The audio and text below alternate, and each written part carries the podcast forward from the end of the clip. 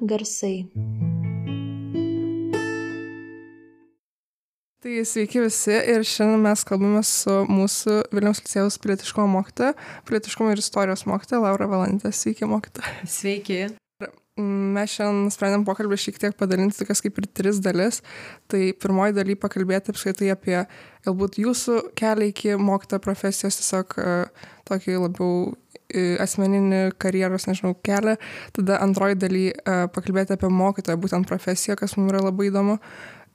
Ir trečioji daly galbūt išeiti daugiau iš viso šito ir pakalbėti apie pilietiškumą, apskritai kokia yra jo rolė šiandienoj ir šiaip pasaulyje arba būtent mokykloje. Tai va, ir dar šiaip mes turim, uh, norim pasireklamuoti tokį kaip ir mūsų švietimo aktyvistų klubą. Licėjui veikia uh, švietimo aktyvistų klubas, kur mes kalbam apie švietimo problemas, apie uh, mokymosi būdus ir šiaip diskutuojam, kaip reikėtų spręsti visokius dalykus, tai kviečiam visus prisijungti.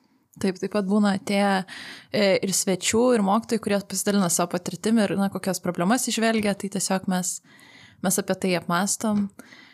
Ir taip, tai manau galim pradėti. Tai e, pirmas klausimas būtų, na, tradicinis, kodėl nusprendė tapti mokytoją, nes kiekvienas mokytas atrodo turi labai skirtingą istoriją, kaip surado, ar ten iš pat vaikystės, ar čia staiga, ar, na, žodžiu, Tai mano tas pirmas paminėtas tikriausiai variantas iš pat vaikystės. Man net e, gal keistai skamba pats toks klausimas, kai man dažnai jį užduoda. Kaip nusprendėte? E, toks atrodo, lyg tai būtų labai toks pliusų, minusų didelis dėliojimas, kažkoks ilgas kelias iki to sprendimo prieimimo. Tai pas mane taip nebuvo tikriausiai, buvo viskas žymiai paprasčiau. E, aš šeštoj klasiai nusprendžiau, kad aš studijuosiu istoriją šeštoj klasiai. Dabar tai skamba labai įdomi ir keistai, bet iš tikrųjų taip. Ir um, dviejonių buvo, pamastymų dar kažkokių buvo ir dešimtoj klasiai, ir dvyliktoj klasiai. Gal ne tokių rimtų dviejonių, bet pagalvojimų, o gal truputį kitur, nu, tokių pa pa pamastymų, pakalbėjimų su savim. Bet niekas uh, nesugebėjo kažkaip uh, prarungti tos istorijos ir, ir tas pirmasis sprendimas taip ir, ir buvo įgyvendintas. O, o dėl ko taip, tai tikriausiai pats paprasčiausias būdas dėl to, kad dalykas labai patiko. Patiko, sekėsi, mm, iš karto užkabino, jeigu galima taip sakyti. Ir nepaleido. tai va, ir, ir tada viskas labai paprastai susidėliojo, tiesiog kadangi žinojau a, taip tikslingai iš anksto, mm, tada kažkaip tai, kaip minėjau, sekėsi, tada uh, nebebuvo kažkaip tai didelių konkurentų, kur, tarkim, studijuoti, jeigu ne istorija, tai kas tada? Mm, palaikė tėvai, kurie skatino daryti tai, ką, ką nori daryti, kas patinka. Ir, ir tai baigus mokyklą iš karto atsidūriau istorijos studijose. E, bet galima, pavyzdžiui, nebūtinai ten mokytojo darbą eiti. Mm -hmm. Tiesiog istorija, tai kodėl, pavyzdžiui, būtent mokytojo darbą? Uh, galima ir aš esu mąščius apie tai ir man yra tekę šiek tiek trumpai daryti kitas veiklas su istorija, bet šiek tiek nu, nekonkrečiai mokymas ir nekonkrečiai mokykla, bet tikriausiai čia gal ir būdo savybės tokios padiktuoja sprendimą. Aš esu plepi, kalbi, komunikabili, man, man patinka ne tik gal, sakykime, pati kaip istorija, bet istorijos mokymas uh, irgi tas labai daug žavesio turi. Ir, ir tikriausiai čia tiesiog toks natūralus visiškai pasirinkimas, kad daryti tai, kas, kas vėlgi tinka, patinka ir, ir tikriausiai uh, smagiau būtų, man, man smagiau tai daryti, nei, nei tarkim, reikėtų rašyti kokius istorinius straipsnius. Uh, bendrauti su žmonėmis yra mano veikla. Tai va, o mokykla tai nuolatinis bendravimas. Tai va, tai uh, ne, nekilo labai daug dviejonių, kad jeigu istorija, tai galbūt kažkas kito. Tikriausiai, kad mokymas iš kart istorijos buvo tas numeris pirmas. O galite dar daugiau papasakoti apie tą, e, sakot, kad istorija yra šiaip įdomus dalykas, nu, net nebūtinai, kad ten iš mokyklos to, tų laikų, bet šiaip matot kažkokią gilesnė, tai galbūt ne visi supranta ir ne visiems taip yra. Mhm. Tai gal galėtumėt pasidalinti tiesiog, ką jūs ten matot. Ir... Man atrodo, kad čia irgi tokie dalykai tiesiog arba tavo, arba ne tavo. Kaip vienam fizikas sužavi tiek, kad jis uh, svaigsta apie ją nuolat, kas man atrodo nesuvokiama ir nesuprantama, taip kitam istorija turi savo tokio žavesio. Aišku, uh, tikriausiai vaidina labai didelį vaidmenį tos pirmosios pamokos, pirmi mokytojai, nes dalyką visgi transliuoja mokytojas. Ir mes labai dažnai susižavim tikriausiai dalykų ir, ir pradedam kažkaip mokytis plačiau, domėtis, kai tas mokytojas, kuris transliuoja dalyką, dega tuo ir, ir užkrečia. Kodėl, tarkim, tam penktokui, šeštokui vieni dalykai labai pradeda patikti, o kiti nelabai. Tai didelė įtaka turi tie bent jau pirmieji mokytojai, sakykime, kas, kai kalbam apie dalykinę sistemą. Tai kodėl istorija? Todėl kad, todėl, kad labai įdomu, todėl, kad patiko, o tai, kad matau prasme, naudą, tai čia vienareikšmiškai. Uh, tiesiog tai praplečia labai akiratį, tu pradedi matyti visumą, o ne detalės, bet ir, det, ir visumoje detalės. Tai uh, toks, sakyčiau, gal mm, platesnio pasaulio matymas istorija yra. Nesiaurai, ne tik tai, kas už lango ir ne tik savas kiemas, bet toks platesnis pasaulis, kuriame yra visko labai labai daug. Ir, ir nėra vien tik tai balta, nėra vien tik juoda, yra visko labai labai daug. Ir toje visoje makalynėje tikriausiai uh, istorinėse tam tikrose uh, subtilybėse ir yra žavesys dargi sako, kad istorija kartojasi ir kad iš jos, na, reikėtų mokytis. Tikrai taip ir šiandien dieną, žiūrėkite, šiandien pavasarį šitas apskritai parodo uh, istorijos svorį tam tikrą. Jeigu mes ilgą laiką galėjom sakyti, mm, tokių žmonių, kurie nelabai vertina istoriją, buvo toks lyg tai pasakymas, kad kam mokytis apie tai, kas jau buvo, kam žinoti tai, kokia čia nauda šiandien dienai ar ateičiai, tai dabar mes kaip niekada matom tai, kad išmanyti tam tikrus dalykus yra taip naudinga. Ir tu taip tada matai viską plačiau. Ir tu tokias paraleles gali išvesti, palyginti, matyti, netgi kažkuria prasme gal prognozuoti tam tikrus žingsnius galima, nes istorija labai moko. Jeigu tu matai tam tikrą tendenciją, o tendencijos visame kame yra, tai istorija tikrai gali, gali labai mokyti ir bent jau jeigu uh, tam tikra kažkokia iškelta hipotezė nepasiteisina, bet tu vis tiek gali uh, suvokti, kad gali būti. A, B, C variantai gali būti, ne, nes taip yra buvę tada, yra buvę tada, priklauso nuo tam tikrų dėliojamų žingsnių. Tai vienareikšmiškai šiandien dienai kaip niekada mes galim įsitikinti, kad istorija labai labai moko ir labai labai leidžia pamatyti tą šiandien dienos kontekstą, aš kalbu apie įvykius Ukrainoje, mhm. gerokai, gerokai plačiau ir susidėlioti viską iš tikrųjų uh, taip, kaip yra, o ne taip, kaip gali skelbti kažkokie propagandiniai kanalai. Taip, taip, atsimenu, mes irgi turėjom dar pamoką, kur buvo, na, transliuojama online apie Ukrainos istoriją, tam, kad, na, suprastum tiesą, iš tiesų nepasikliautum ten propagandą. Taip, taip, taip, taip. Taip, nes jeigu tu tam tikrus dalykus žinai, tu pradedi galų gale kitaip juos ir priimti, vertinti, e, tave nėra lengva taip apgauti, sakykim taip, ne? Nėra lengva tau įkalti tai, ką norima įkalti. Tu matai šiek tiek plačiau, tu nepatiki vienu kažkokiu numestu sakiniu, vienu numestu e, vaizdeliu, tu nepriimi tai už gryną tiesą, tu tiesiog liaunėsi tam tikrom žiniom, tam, tikri, tam tikrais istoriniais momentais ir tada susidėlioji susidėlioji tą pilną vaizdą.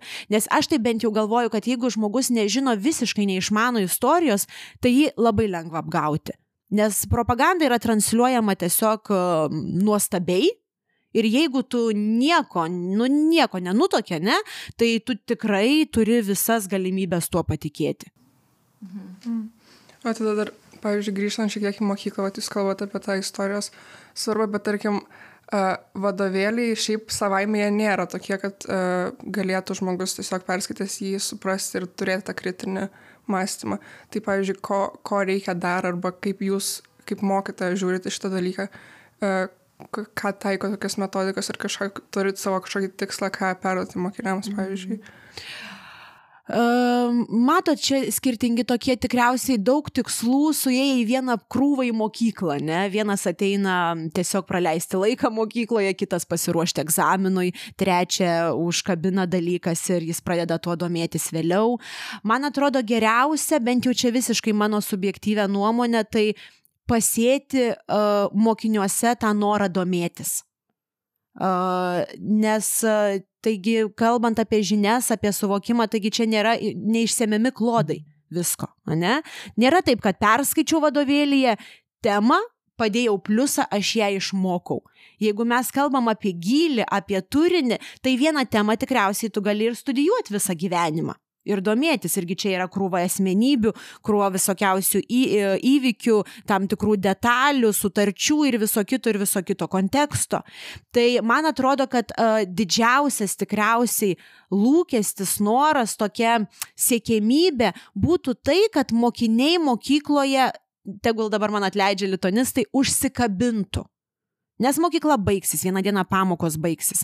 Ir jeigu tu kažkokį santykių sukūrei su dalyku, tau iš principo įdomu istorija, nes tave mokykloje sužavėjo, paskaitėjai, liko neatsakytų klausimų, tai tu e, turi noro domėtis toliau. Ir, ir tikriausiai blogiausia, ką galima padaryti, tai atmušti tiesiog norą domėtis toliau. Baigėsi chemija, uždariau duris ir daugiau aš tikrai niekada nesidomėsiu chemija, jeigu gyvenimas nepriversa, ne? Tai um, čia aš gal ir iš savo tokios patirties kalbu, nes atsisukus atgal į mokyklos, tarkim, laikus, tikrai aš turėjau tokių uh, dalykų, bet ne pats dalykas kaip mokymo dalykas kaltas, juk čia žavesio tai visur yra daug. Tik tai kaip sukrito viskas, koks tai buvo mokytojas, kokie, ko, kokie jo tikslai, ko jis siekė, kaip atrodė tos pamokos, žavėjo ar, ar kaip tik norėjosi, kad greičiau baigtųsi ir taip toliau. Tai man atrodo, kad tai yra, yra labai svarbu, nes mokytojai linkia, mano galvo, pamiršti tokį vieną dalyką uh, jie kažkaip, kai eina pas jaunus žmonės į pamoką, jie labai užsifiksuoja tame momente, kad tai yra mokiniai, tai yra va, suolė sėdintis jaunimas ir lyg taip kartais atrodo, kad jie tame suolė sėdės visą savo gyvenimą.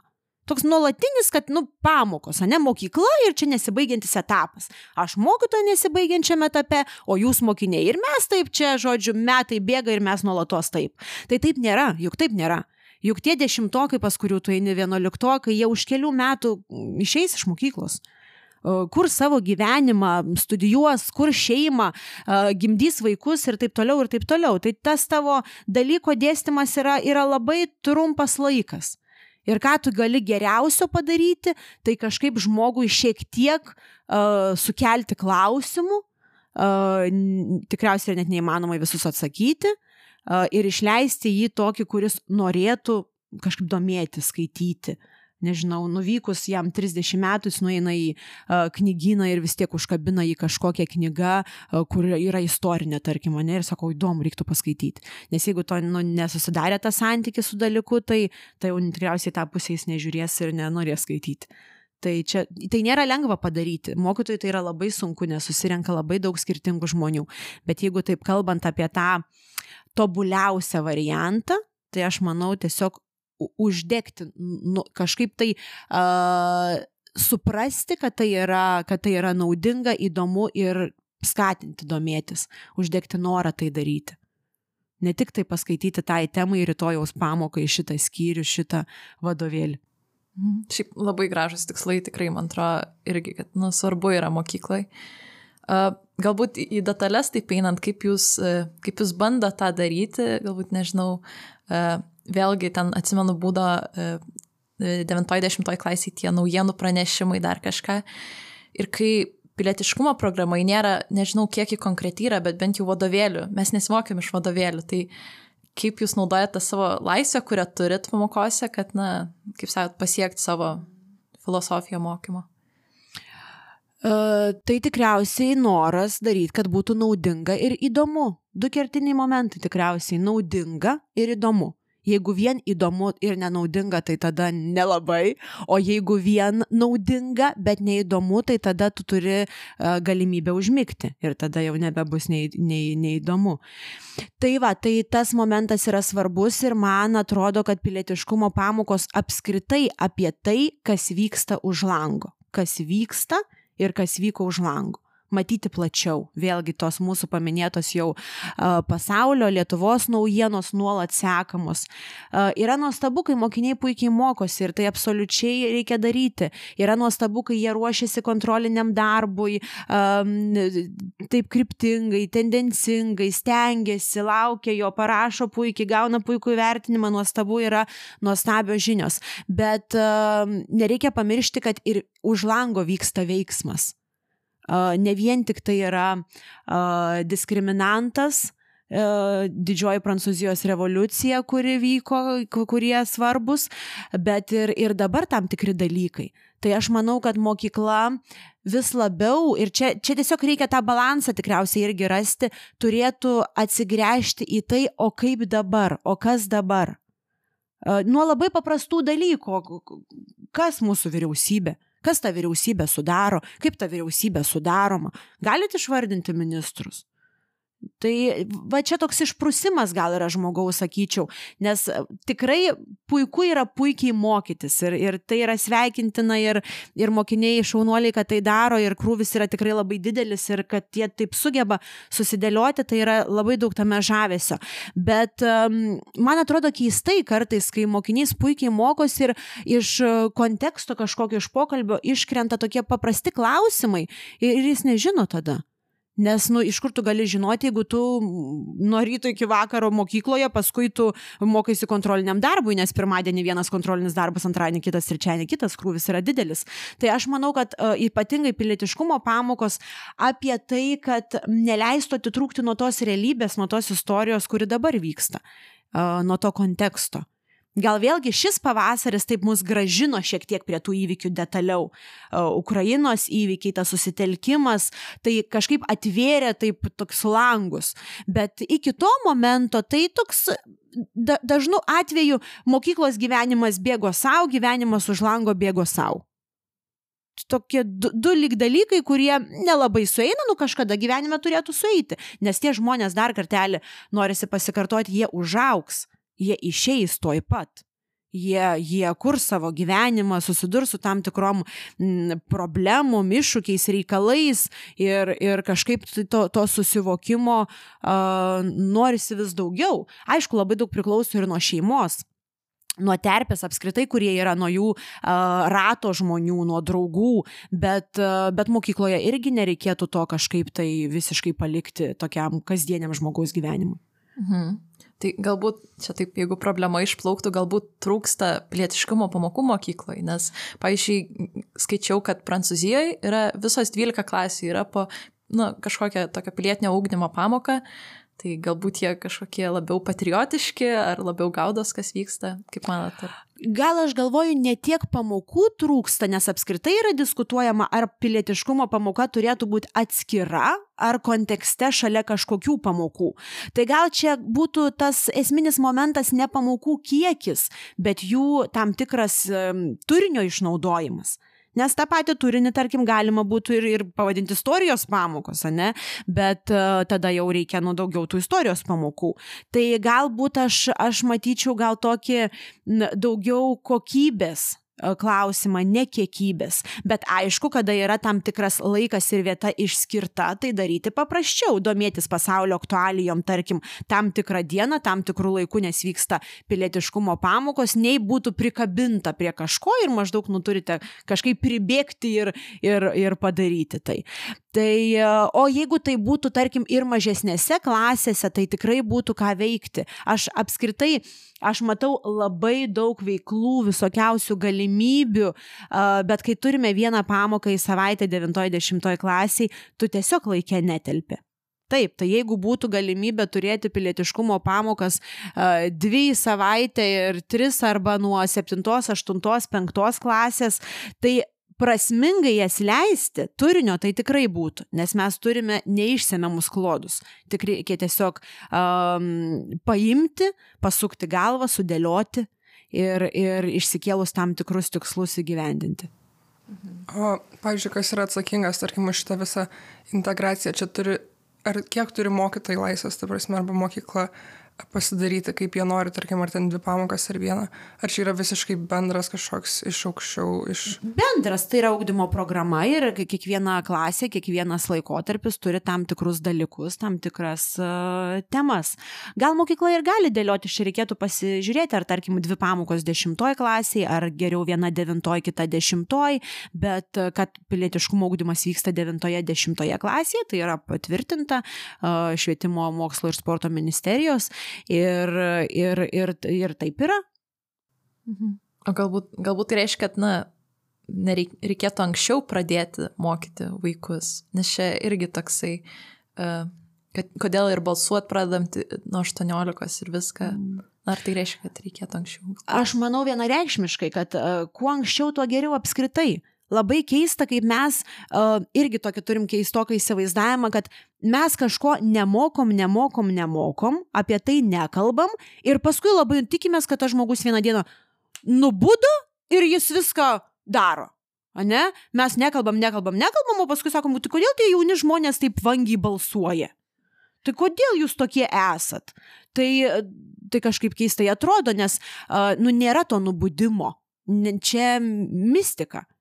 Tiesiog norint turėti tam tikrą rezultatą, reikia padirbėti, reikia praeiti tam tikrą kelią. Ir, ir čia jau tiesiog yra nu, toks tikslo kelimas, ar mes to norim, ar mes nenorim. Nes e, investuoti į jauną žmogų, į, į jo mąstymą, supratimą, tai, tai yra vienareikšmiškai reikalingi dalykai. Ir, ir paskui tikėtis, kad kažkaip jam labai įdomu bus, arba, arba jis taps uolus labai um, pilietis, kuris balsuos taip uh, labai atsakingai. Tai gerai, jeigu jis uh, namuose mato tokį pavyzdį. Ir tai ateina, ne? Ir tai rezultatas yra toks. Bet ką mes dėl to padarėme?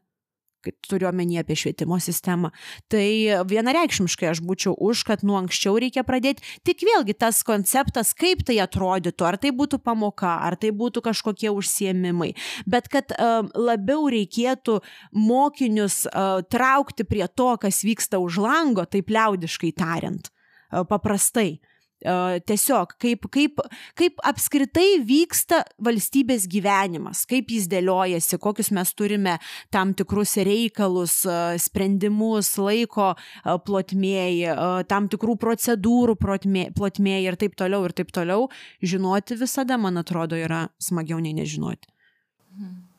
O kokias, pavyzdžiui, dar tada problemas jūs matot apskritai išvietimo, kokios jums yra tos labiausiai, apie kurias daugiausiai pagalvojat? Uh, būtent apie švietimą kalbant.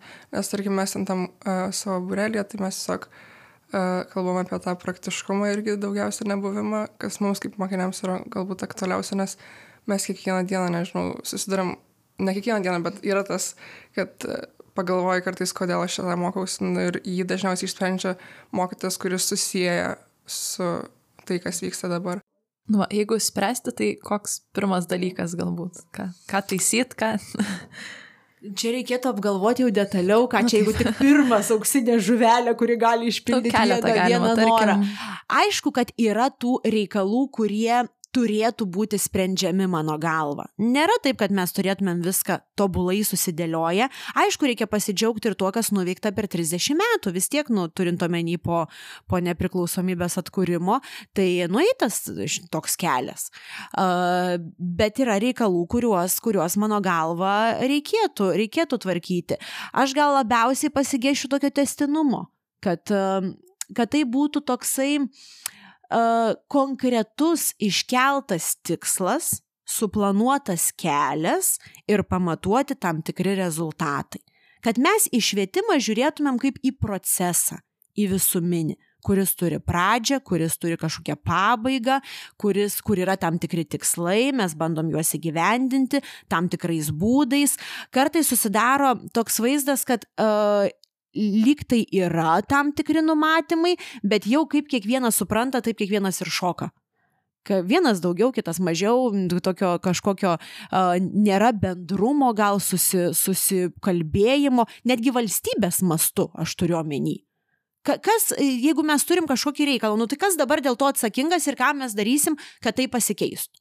Na, tarkim, sudėtinga mokiniams dvyliktokiams laikyti matematikos valstybinį egzaminą. Kaip pavyzdys, ne, nu nėra tie balai blizgantis. Turim bėdą, Mes norim, kad būtų kitaip? Norim. Kada norim?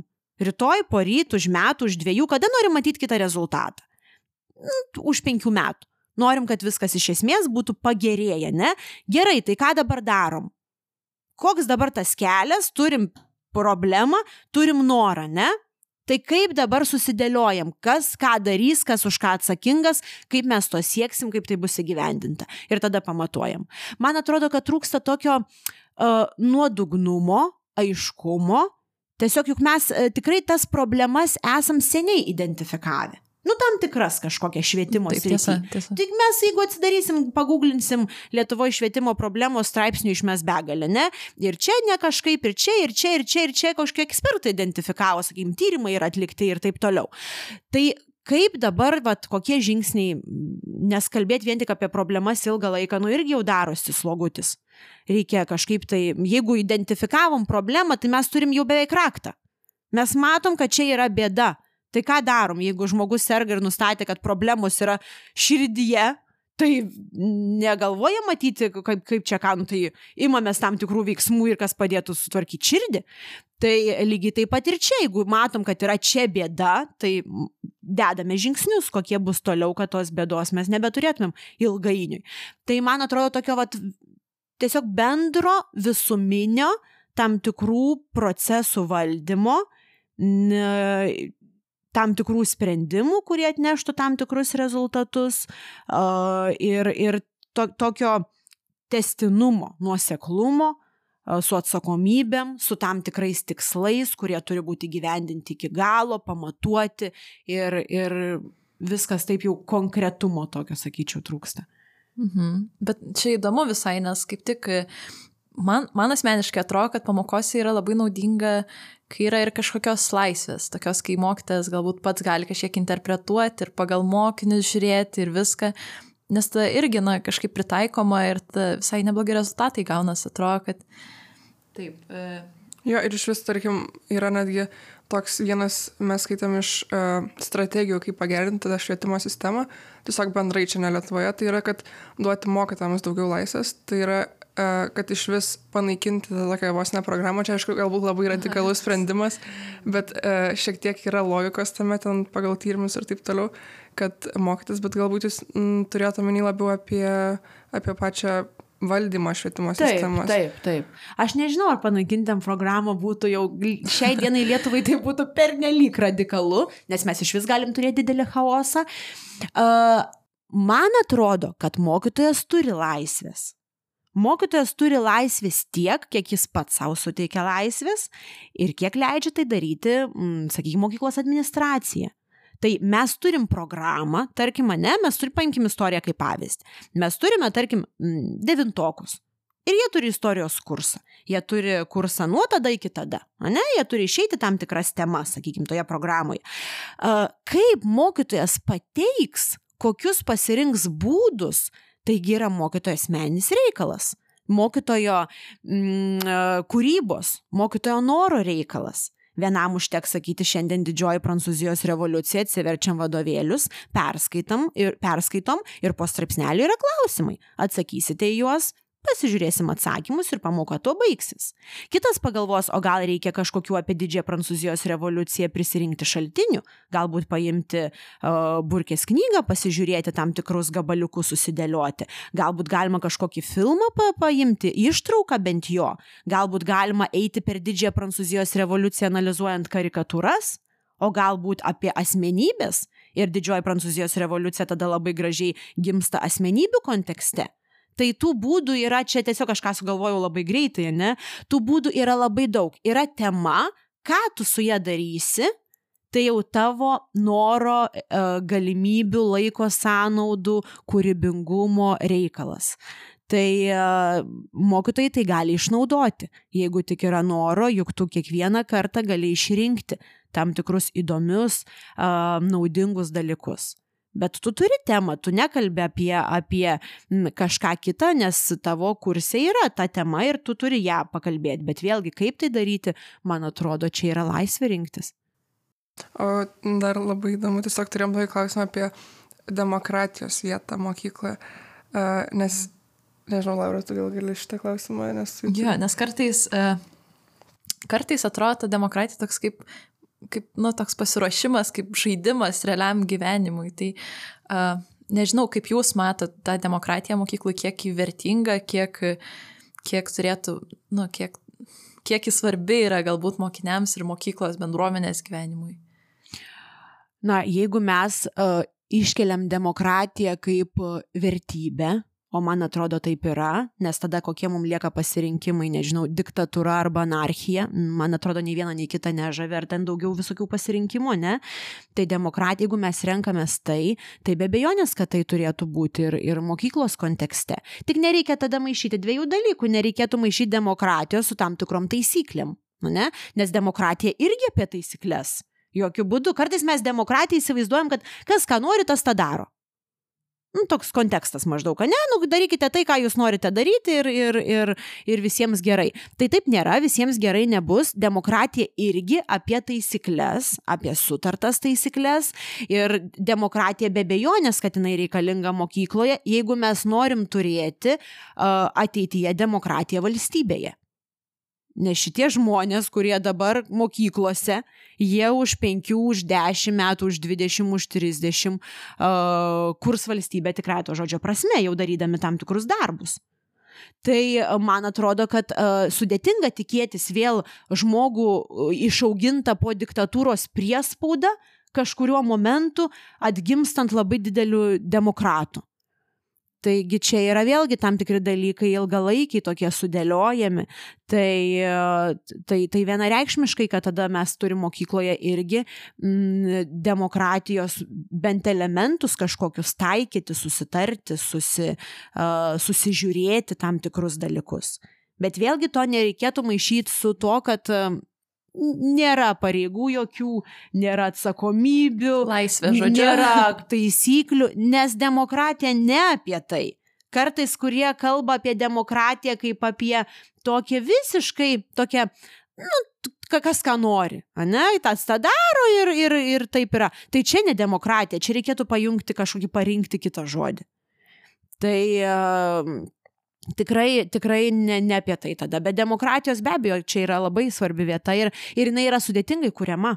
Demokratija yra iš principo sudėtingas uh, dalykas. Mhm. Nes, tarkim, nu, yra vienas iš tokių užuomasgų mokyklai, tai yra tos savivaldas, tarkim, um, nežinau, netgi kas, kas čia dar tiesiog. Senatas prezidentas. Jo, jo viskas. Ir kažkaip tuo siekiama turbūt labiausiai, nu, kažkokį vesti gal dialogą labiau tarp mokinių, su, tarp mokinių ir tos vadinamos mokyklos valdžios ir taip toliau. Bet tarkim, e, ko, tarp ko nėra dialogas vedamas, tai yra tarp mokytojų ir mokinių galbūt.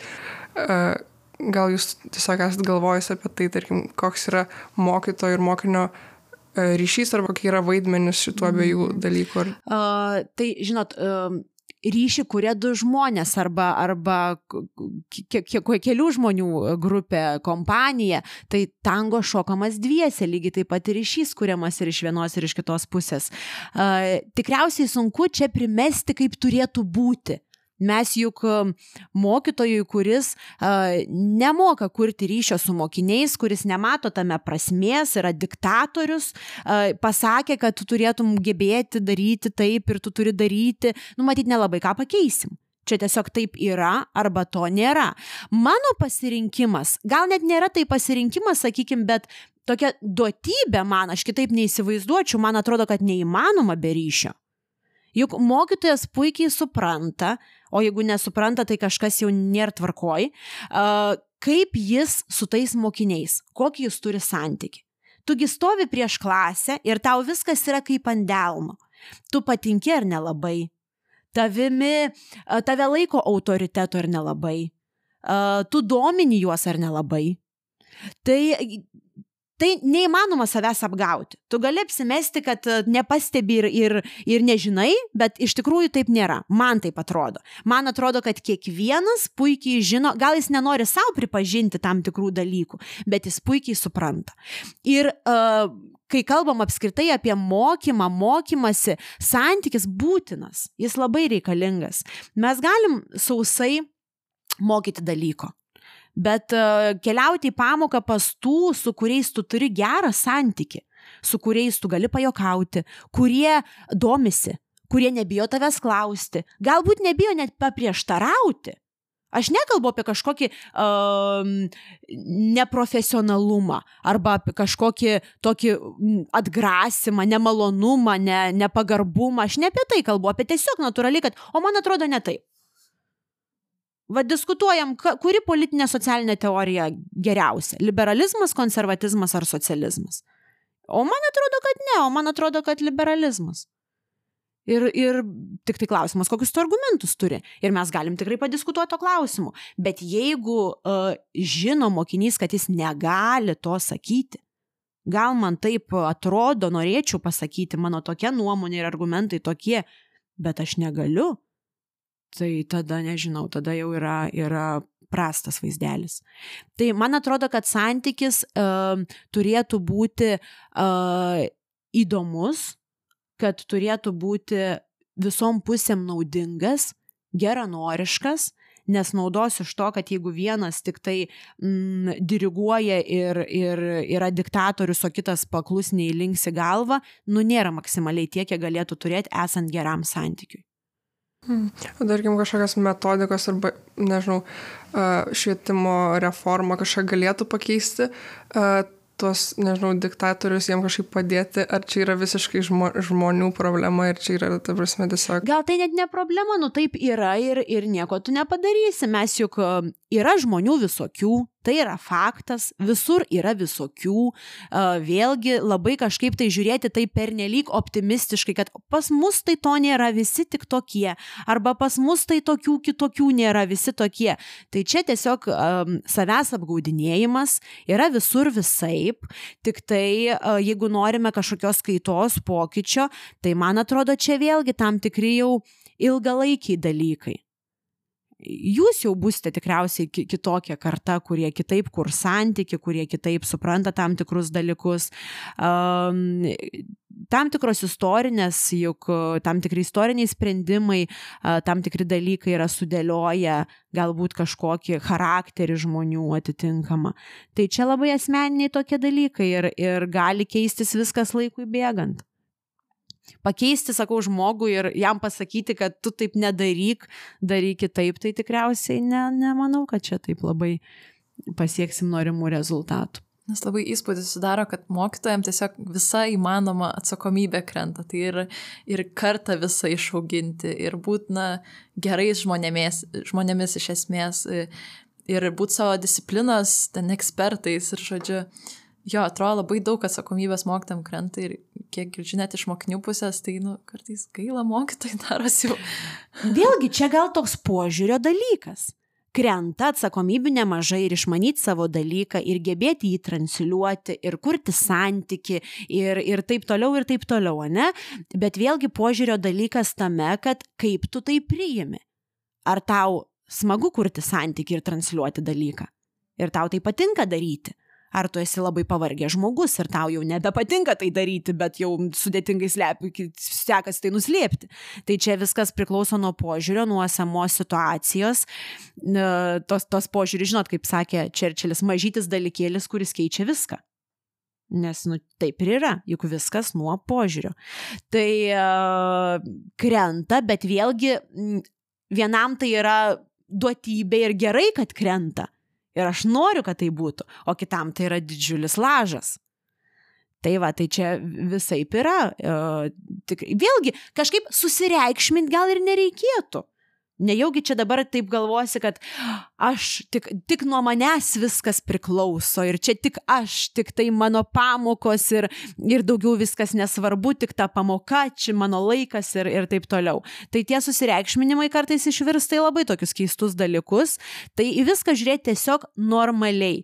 Daryti tai, ką darai, tinkamai, gerai, tai, ką nori daryti, nes gal čia netgi esmė, aš sakyčiau, mūsų švietimo reikalų visų tiesiog toks bendras klausimas pagalvojimui. Nori tai daryti, ką darai ar nenori? Ir nuo to vat, viskas labai daug priklauso. Tokia plačiaja prasme. Netgi tam pačiam mokytojui keliaujančiam į pamoką. Nori tai daryti, patinka tai, ką dirbi, ar nepatinka. Ir tada Ta, taip, ir kaip, kaip tu traktuoji tą savo darbą, kaip labai sunku, varginanti, labai nepatinkanti tau, sekinanti dalyką. Ar tu gali pasakyti, tai, ką aš dirbu, man iš tikrųjų labai patinka. Ir jeigu man reikėtų keisti, galėčiau keisti, ar planuoju keisti, norėčiau keisti, ne. Tai va, man atrodo, čia tada viskas labai gražiai susidėlioja į, į lentynas. Ar mes galim tikėtis kažkokių, nežinau, proveržių didelių, kažkokio santykio, kažkokių labai įdomių pamokų iš žmogaus, kuris sako, nekenčiu savo darbų. Nu, ar tai manom? Nu, nebent jis labai geras aktorius. Bet mokytojai tokie, mokytojai aktoriai. tai e, galbūt jūs turit kažkokią na, demokrat, na, kaip pavyzdį šalyje, kuri švietimo sistema jums labiausiai patinka, kurią galbūt šiek tiek vadovaujate, simat kažkokius pavyzdžius ar kažką tai savo mokymę. Mhm. Uh, tai jų yra tikriausiai nemažai skirtingų labai, vėlgi, ko mes, uh, nes ko mes ieškom, tą mes randam. Tai jeigu mes ieškom vienokių dalykų, mes rasim tikriausiai tuos dalykus vienose šalyse. Jeigu mes ieškom kitokių dalykų, mes rasim kitose. Jeigu reikėtų pasakyti bendrają prasme, tiesiog vieną šalį, kurios galbūt švietimo sistema leidžia sukrusti, pamastyti, vieną kitą momentą tikrai apgalvoti rimčiau, tai būtų Islandija. Vienareikšmiškai tikriausiai net Islandija, aš net neraščiau kitos šalies, kuri galėtų bent kiek, sakykim, taip lygiuotis. Jau ir Suomija, sakykim, mūsų taip mėgstama išgirta, labai žinoma visų, gal netgi šiek tiek Islandijos visose reikaluose keliauja į šoną, nes tikrai Islandai sužavi. Man yra tekę šiek tiek seniau taip iš esmės pasidomėti to šalies švietimo sistema Ir tikrai galiu teikti, kad ten yra dalykų, kurie labai labai nustebina gerąją prasme. Ir aš nesu gal tos minties šalininkė, kad mums reikėtų pasimti vieną sistemą ir padaryti uh, copy-paste.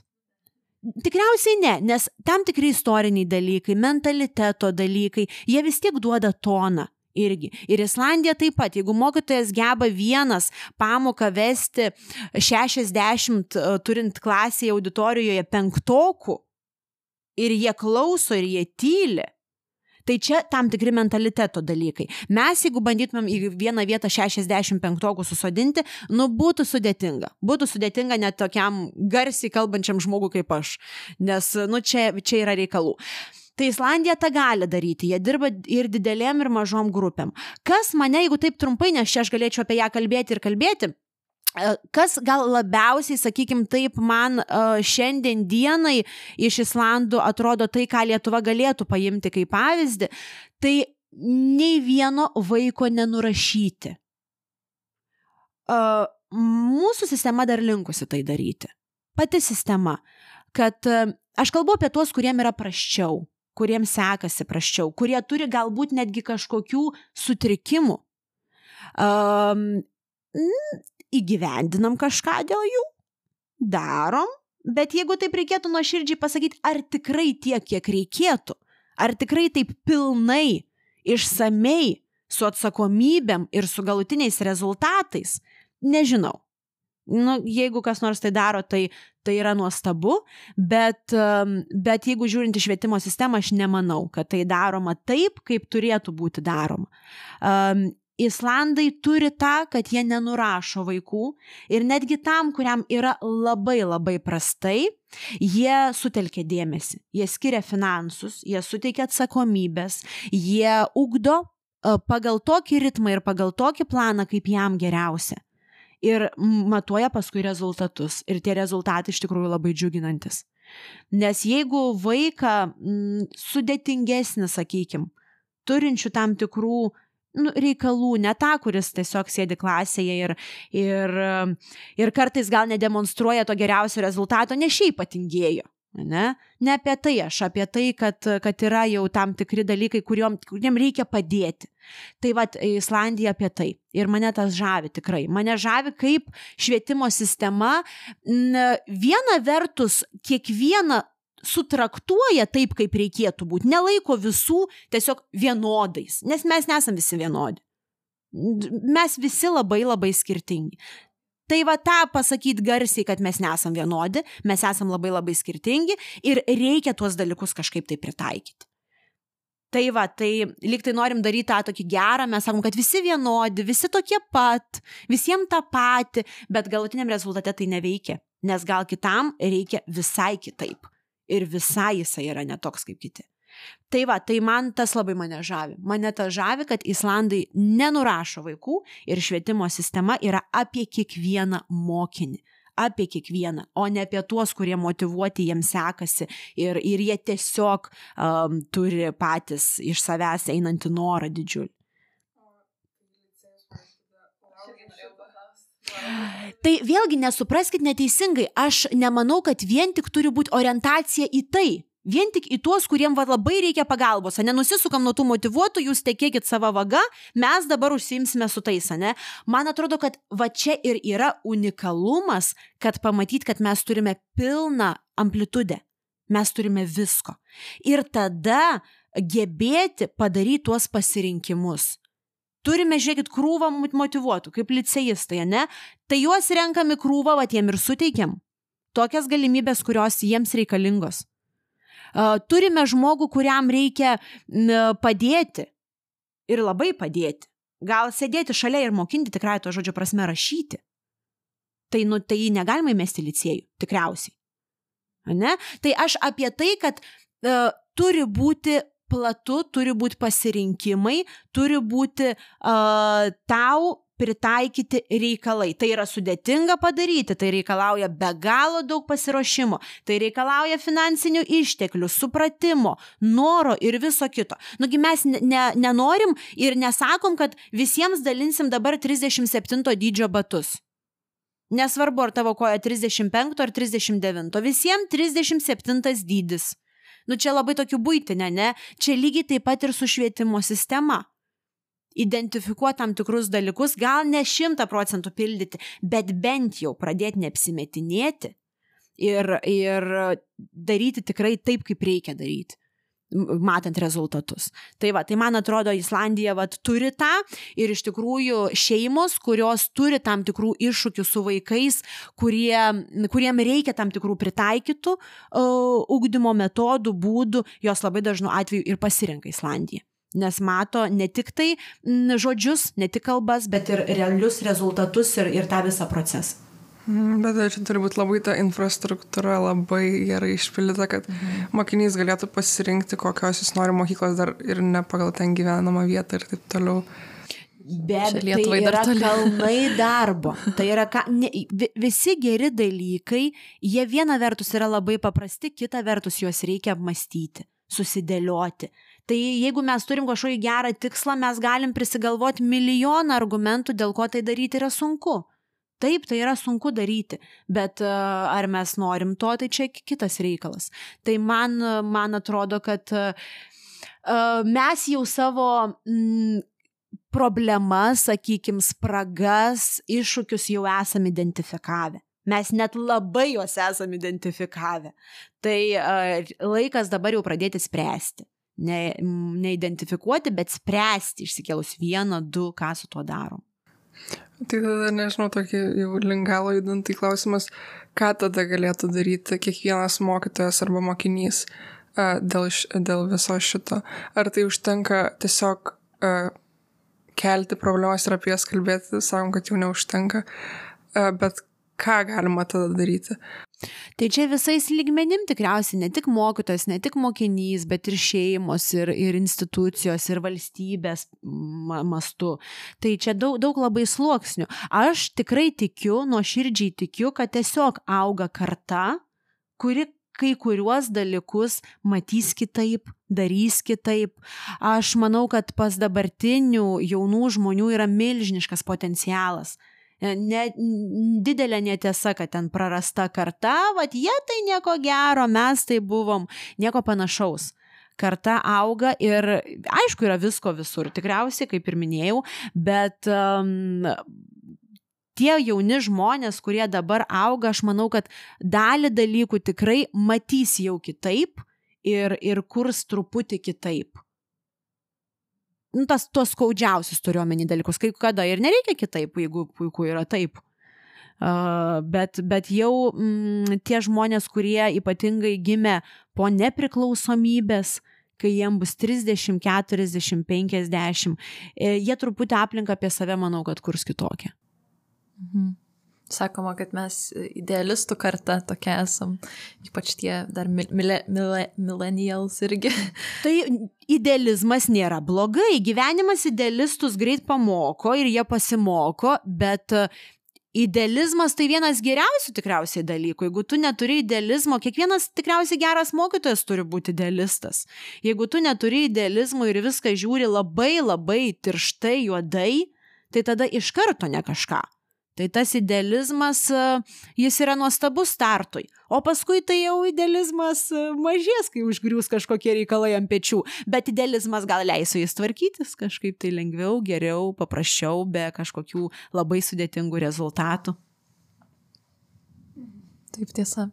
Tai mes dar norėtume pareklamuoti kaip ir jūsų, kadangi jūs e, keliat YouTube VBA pamokas istorijos, tai galbūt norit irgi pakomentuoti. Va laisva erdvė. Kodėl ir dėl ko prasme tame ir... Uh, tą dalyką tikriausiai pasufleravo karantinas. Aš turėjau tokią mintį m, jau kažkurį laiką, visai netrumpą, kad kažkaip norėtųsi dalintis. Bet karantinas tikriausiai čia buvo tas esminis momentas, kada jau priėmiau sprendimą. Uh, parodė, kad iš tikrųjų mokslas gali būti ir per atstumą kad mes turėtumėm nenuvertinti tam tikrų dalykų, kurie leidžia pamoką turėti čia ir dabar, kurie leidžia atsisukti ją, perklausyti 3-4 kartus, jeigu yra noras, nes pamoka praėjo klasė ir praėjo viskas, jeigu tada skaudėjo galvą ar žiūrėjau per langą, tai jau ir nelabai pasikartosinai, ne? Tai va, tai um, kodėl tai darau? Dėl to, kad matau prasme, dėl to, kad aš turiu norą dalintis. Man apskritai atrodo labai keistai, kai žmonės taip suvokia ir traktuoja, čia mano ir niekam neduosiu. Nu, toks apie žinias. Toks apie mokytoją. Ma, mano, aš turiu ten gerą planą, aš niekam neduosiu. Aš turiu pamoką paruošus, aš neduosiu, nes, nu, čia mano, aš padariau. Tai man atrodo, kad apskritai švietimas ne apie tai, man atrodo, kad jeigu gali, nori tai daryti, tai, tai dalintis galima tikrai. Aš tame matau prasme, mane labai džiugina visokios padėkos, malonios žinutės, kur Kartais atrodo, žinot, mergaitė iš Joniškio dvyliktokė parašo laiškelį, kuri dėkinga, atrado mano pamokas netyčia ir jinai nesuprato kažkokių dviejų karikatūrų, o jai dabar viskas labai aišku. Tai va, tai tokie dalykai tikrai labai labai džiugina ir, ir tai yra mano hobis, tai yra mano savanorystė. Aš tikriausiai nedaryčiau to, jeigu man nepatiktų tai daryti jeigu tai būtų per tokį priverstinumą. Kadangi aš tai mėgstu daryti, aš, aš, man patinka tai daryti, man patinka įrašinėti pamokas, man patinka jas, tą kūrybinį visą užmanimą paversti kūnų rezultatu, kuris gali būti kažkam naudingas, man patinka. Tai, e, tai džiaugiuosi, aišku, laiko tam nėra daug, norėtųsi visko daugiau ir, ir norėtųsi kad ten tie dalykai būtų pastumėti į priekį uh, gerokai plačiau, bet, uh, bet, bet nepavyksta taip, kaip norėtųsi, kiek yra laiko, tiek jau tam, tam pavyksta skirti. Ir labai tikiuosi, kad jeigu tik galimybės leis, tai tęsiu toliau ir šį dar pavasarį ir kitais metais.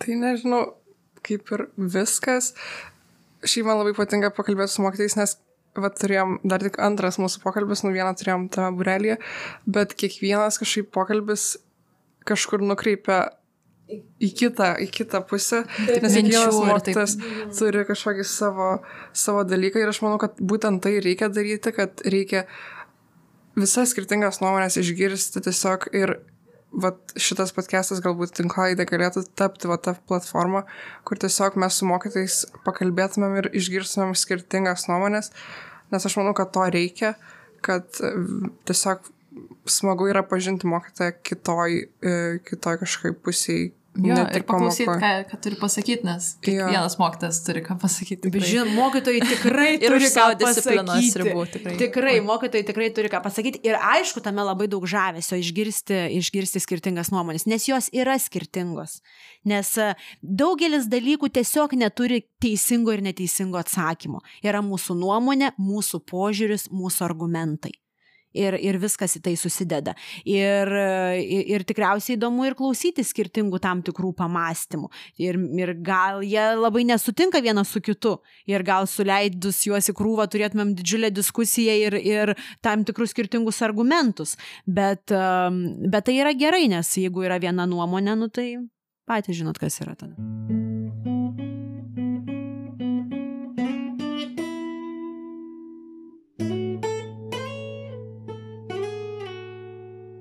Jūs klausėtės tie garsai.